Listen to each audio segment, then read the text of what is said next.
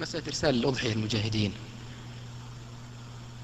البعض يقول أفضل نرسلها هناك البعض يقول لا تذبح هنا.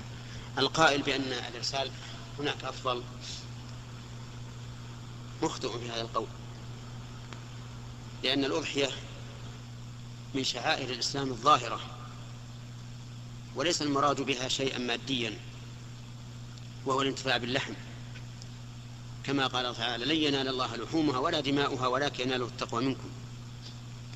وأهم المقصود منها التقرب إلى الله بالذبح حتى تكون شعيرة ونسيكة.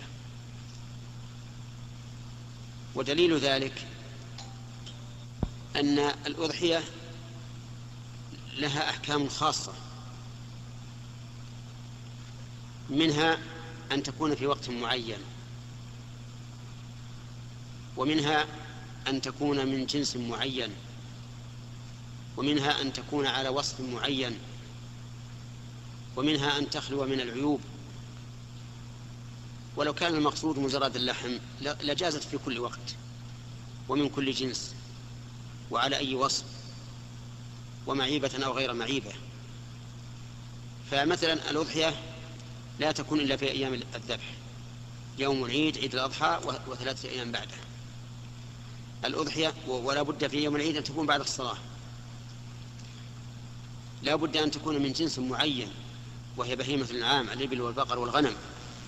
فلو ذبحت فرسا وتصدقت به على أنه أضحية لو ذبحت فرسا على أنه أضحية لم تجزي لا بد أن تكون من سن معين وهي أن تكون جذعا من الضأن أو ثنيا ثنيا مما سواه. ولو كان المقصود اللحم لجاز بالفرس لجازت بالفرس ولجازت بما دون السن. ولا بد أن تكون سليمة من العيوب التي بينها رسول, رسول الله صلى الله عليه وسلم. فقال أربع لا تجوز بالأضاحي العوراء البين عورها والمريضة البين مرضها والعرجاء البين ضلاعها والعجفاء أي الهزيلة التي لا, لا, لا تنقي ليس فيها نقي يعني ليس فيها مخ. ولو كانت كان المقصود بها اللحم لجازت مع, مع هذا العيب. لأن العورة لا يؤثر, لا يؤثر عورها على لحمها. فإذا علمت ذلك تبين لك أن الأضحية عبادة مشروعة بذاتها لا أنها مجرد تصدق باللحم. وقد فرق النبي عليه الصلاة والسلام بين شاة اللحم وشاة الأضحية. فقال من ذبح قبل الصلاة فشاته شاة لحم ولا نسك له. وهذا واضح أنه ليس المقصود جرد اللحم. وإذا كان كذلك فإن نرى أن لا يبعث بالأضاحي إلى أفغانستان ولا إلى غيرها من البلاد الإسلامية الفقيرة. لأن ذلك خالف لهدي النبي صلى الله عليه وسلم. فإن هدي الرسول عليه الصلاة والسلام أن يذبح الإنسان الأضحية بيده. فإن لم يحسن وكل من يضحي وشهد الأضحية. ومما من هدي النبي عليه الصلاة والسلام الذي أمر الله به أن يأكل منها. كما قال تعالى فكلوا منها وأطعموا البائس الفقير. كلوا منها.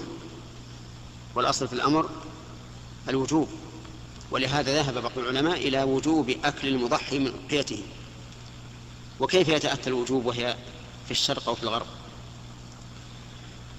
ومن هدي النبي عليه الصلاة والسلام في الأضحية أن يسميها عليها فيقول بسم الله والله أكبر هذا منك ولك عني وعن أهل بيتي. وكيف يمكن هذا وهي في الشرق أو في الغرب؟ ولا شك أن أننا لو قلنا بما أفتى به هذا المفتي لعطلنا البلاد الإسلامية من هذه الشعيرة. لأن كل الناس يحبون الأفضل فإذا قيل لهم الأفضل أن, أن تبعثوا بضحاياكم إلى المكان الفلاني والمكان الفلاني تعطلت البلاد من هذه الشعيرة الإسلامية. ثم إن الأضاحي من, من أحكامها أنه إذا دخل العشر إذا دخل العشر فإن الإنسان ينهى أن يأخذ شيئا من شعره أو بشرته أو أو ظفره حتى يضحي. وإذا وإذا أرسلتها إلى يمين وشمال ما تدري متى يضحون. فهذه الفتوى لا شك أنها خطأ. ومن أراد أن ينفع إخوانه المسلمين فليفعل لكن بغير الشعيرة الإسلامية. الشعائر تبقى شعائر ونفع المسلمين يحصل من باب آخر.